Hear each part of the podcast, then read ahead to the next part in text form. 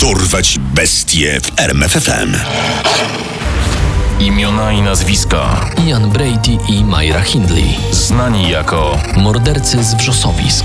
liczba ofiar, 5. teren działalności, Wrzosowiska w okolicach Manchesteru. skazani na Karę dożywotniego pozbawienia wolności. obecny status Nie żyją. 16 listopada 2002 roku, nazajutrz po śmierci Myry Hindley, którą to media określiły jako najbardziej odrażającą kobietę w całej historii Wielkiej Brytanii, dziennik News of the World ogłosił na pierwszej stronie. Nareszcie ten potwór Myra Hindley poszedł tam, gdzie jego miejsce, do wszystkich diabłów! Zanim Myra i jej ówczesny chłopak Ian Brady zostali jedną z najsłynniejszych par morderców w historii Anglii, wiedli dość przeciętne życie. Urodzona 23 lipca 1942 roku, Hindley w dzieciństwie uważana była za miłą i spokojną osobę. Miała burzę blond włosów, uwielbiała zwierzęta, taniec Elvisa Presleya i dzieci. Często dorabiała jako opiekunka. Jej ojciec był wojskowym. Zdarzało mu się nadużywać alkoholu, ale rodzina Majry nie wyróżniała się niczym szczególnym na tle innych robotniczych rodzin w Manchesterze. Gdy w 1946 roku urodziła jej się młodsza siostra Maureen, rodzice Majry, ze względu na trudną sytuację materialną, postanowili oddać dziewczynkę pod opiekę mieszkającej tuż obok babci. Przełomową datą w życiu 18-letniej Hindley okazał się styczeń 1961 roku. Wtedy to zaczęła pracę maszynistki w firmie chemicznej Millwards. Tam poznała o 4 lata starszego księgowego, Iana Brady'ego. Niemal rok podkochiwała się w chłopaku, który długo nie był nią zainteresowany. Codziennie pisała o nim w swoim pamiętniku. Dzisiaj minął mnie na korytarzu i popatrzył na mnie tak przeciągle. To jest mój ideał. W końcu dopięła swego. 22 grudnia 1961 roku zanotowała. Ian i ja idziemy na randkę. Mam nadzieję, że będziemy się kochać przez całe życie. Po tygodniu Myra i Ian rzeczywiście zostali parą kochanków.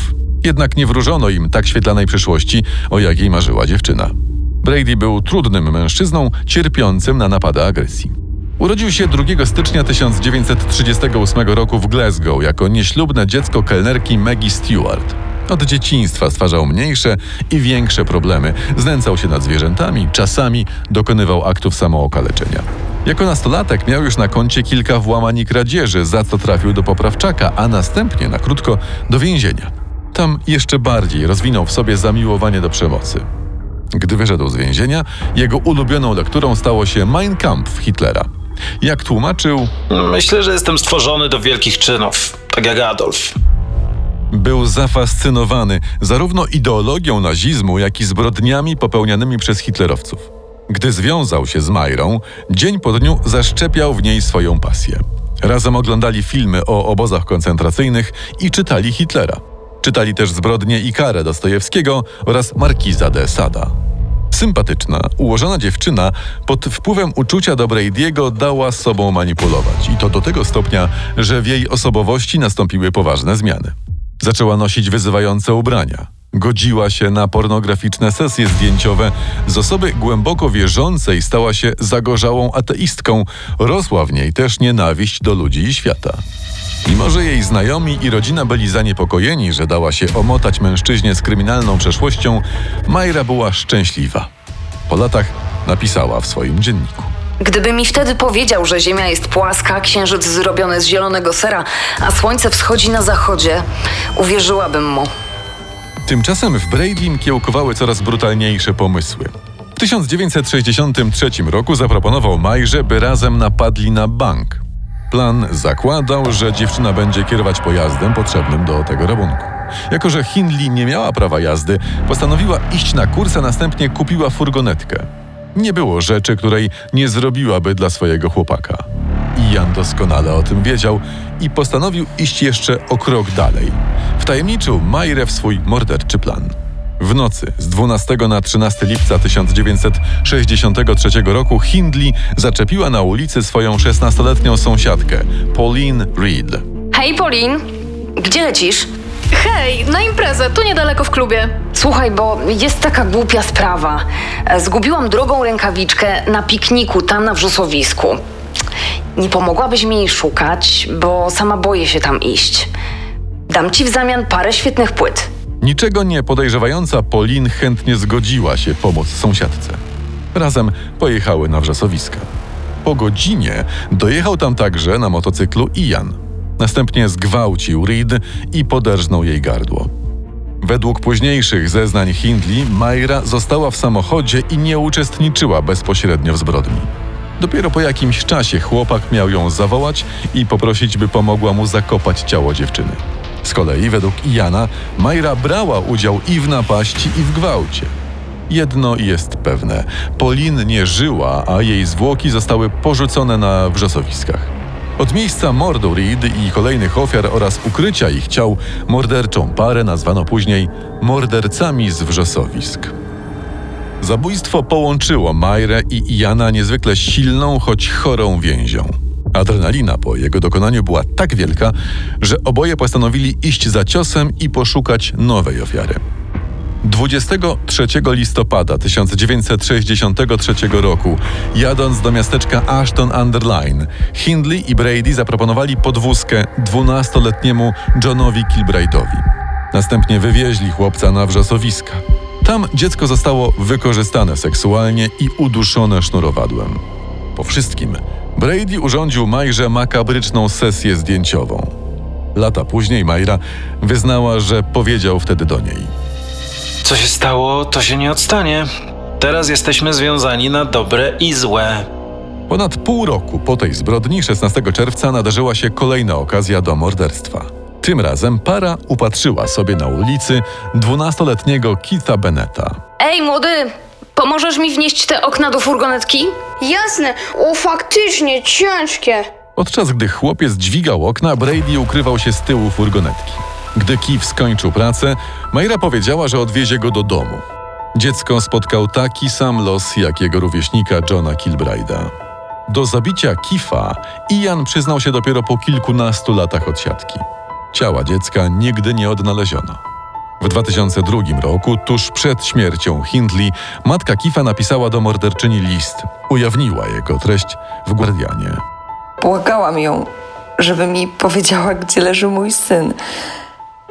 Ale nie miałam nadziei, że mi to zdradzi.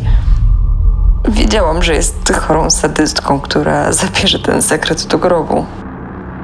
W Boże Narodzenie 1964 roku para wpadła na kolejny koszmarny pomysł. Zwabiła do auta dziesięcioletnią Leslie Ann Downey. Tym razem, zanim wywieźli dziewczynkę na wrzosowiska, postanowili torturować ją w domu należącym do babci Hindley. Tam zrobiono jej pornograficzne zdjęcia, a para morderców sadystów nagrała na dyktafon jej krzyki i prośby o wypuszczenie. W końcu udusili Leslie i porzucili jej ciało na wrzosowiskach. W późniejszych zeznaniach Majra znów próbowała się wybielić, twierdząc, że nie widziała, jak Ian zabija dziecko, bo brała wtedy kąpiel. Brady przedstawił tę sytuację zupełnie inaczej. Wręcz prosiła mnie, że sama chce zabić Leslie Downey. Chciała to zrobić za pomocą jedwabnego paska. Majrze, a szczególnie Ianowi, wciąż było za mało adrenaliny i wciąż pozostawali bezkarni. Brady postanowił wciągnąć do morderczej spółki męża siostry Majry, Davida Smitha, który miał już na swoim koncie i napady, i włamania. 6 października 1965 roku para zaprosiła Davida do mieszkania Majry. Tam mężczyzna stał się świadkiem morderstwa 17-letniego Edwarda Evansa. Para poznała Edwarda w pobliskim barze i po postawieniu mu drinka zaprosiła do domu. Gdy Majra gościła szwagra w kuchni, z salonu dobiegły ich rozpaczliwe krzyki. Hindley rzuciła tylko. Dave, no pomóż mu! Smith otworzył drzwi do salonu, gdzie jego oczom ukazał się makabryczny widok. Ian zadawał nastolatkowi ciosy toporem, krzycząc przy tym. Ty cholerny, brudny draniu! David stał jak sparaliżowany. Kiedy ofiara przestała się ruszać, Brady dał Smithowi do podtrzymania topór, by, jak to powiedział, poczuł jego ciężar. Tym samym odciski palców mężczyzny znalazły się na narzędziu zbrodni. Zszokowany Smith nie zachował się jednak tak, jak przewidywała para morderców. Nie został ich wspólnikiem. Po tym jak wrócił do domu, opowiedział o wszystkim żonie i razem postanowili zgłosić to na policję. Tym samym wydali wyrok na Hindley i Brady'ego. Następnego dnia do domu Majry, w którym przebywał też jej partner, zapukali śledczy. Proszę otworzyć, mamy nakaz przeszukania. No ale o co chodzi? Przypuszczamy, że doszło tu do morderstwa. Podczas przeszukiwania mieszkania okazało się, że jeden z pokoi jest zamknięty na klucz. Po naciskach policjantów pokój został otwarty. Znajdowały się tam zwłoki Evansa, zapakowane w plastikową torbę. Brady i Hindley byli jednak przygotowani na tę wersję wydarzeń. No, był u nas niejaki David Smith. Opuściły mu nerwy, sami widzicie. Odciski palców na toporze mogły potwierdzać tę wersję. Davida aresztowano. Wtedy Smith w obronie własnej zaczął sypać. Przyznał, że jakiś czas temu, podczas zakrapianej imprezy, Ian spytał go. Ej, Dave, a ty kogoś zabiłeś? Bo ja albo trzy, albo cztery osoby zakopałem je na wrzosowisku. No serio, no. Brady przyznał się także mężczyźnie do trzymania w przechowalni bagażu na dworcu w Manchesterze dwóch tajemniczych walizek. Ich zawartość pogrążyła morderców.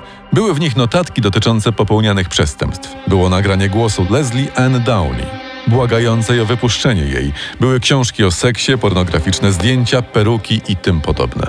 Śledczy zwrócili uwagę, że niektóre fotografie były zrobione na wrzosowiskach. Przeszukanie tego terenu przyniosło odnalezienie dwóch ciał. 27 kwietnia 1966 roku para morderców stanęła przed sądem.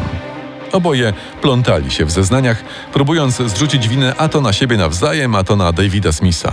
Prowadzący rozprawę sędzia przed ogłoszeniem wyroku powiedział: Oboje jesteście sadystycznymi mordercami o najwyższym stopniu zdeprawowania. Ostatecznie Myra Hindley i Jan Brady zostali skazani na dożywocie za zabójstwo czterech osób.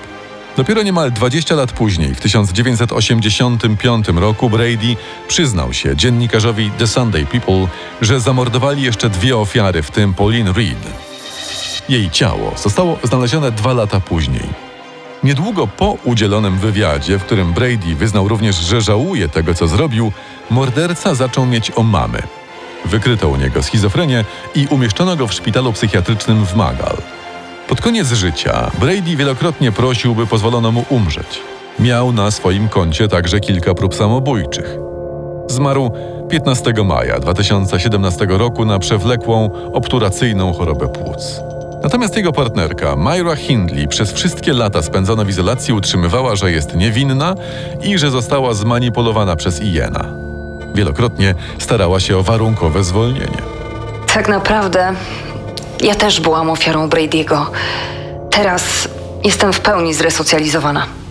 Sąd nigdy nie uwierzył Hindley i do końca życia pozostała ona w zamknięciu.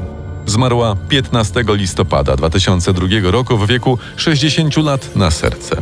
Pochowano ją gdzieś na północy Anglii. Gdy urnę z jej prochami wkładano do furgonetki, by wywieźć ją w nieznane miejsce, żegnał ją jedynie oparty o ogrodzenie krematorium napis Smaż się w piekle. Poznaj sekrety największych zbrodniarzy świata. Dorwać bestie w RMFFM.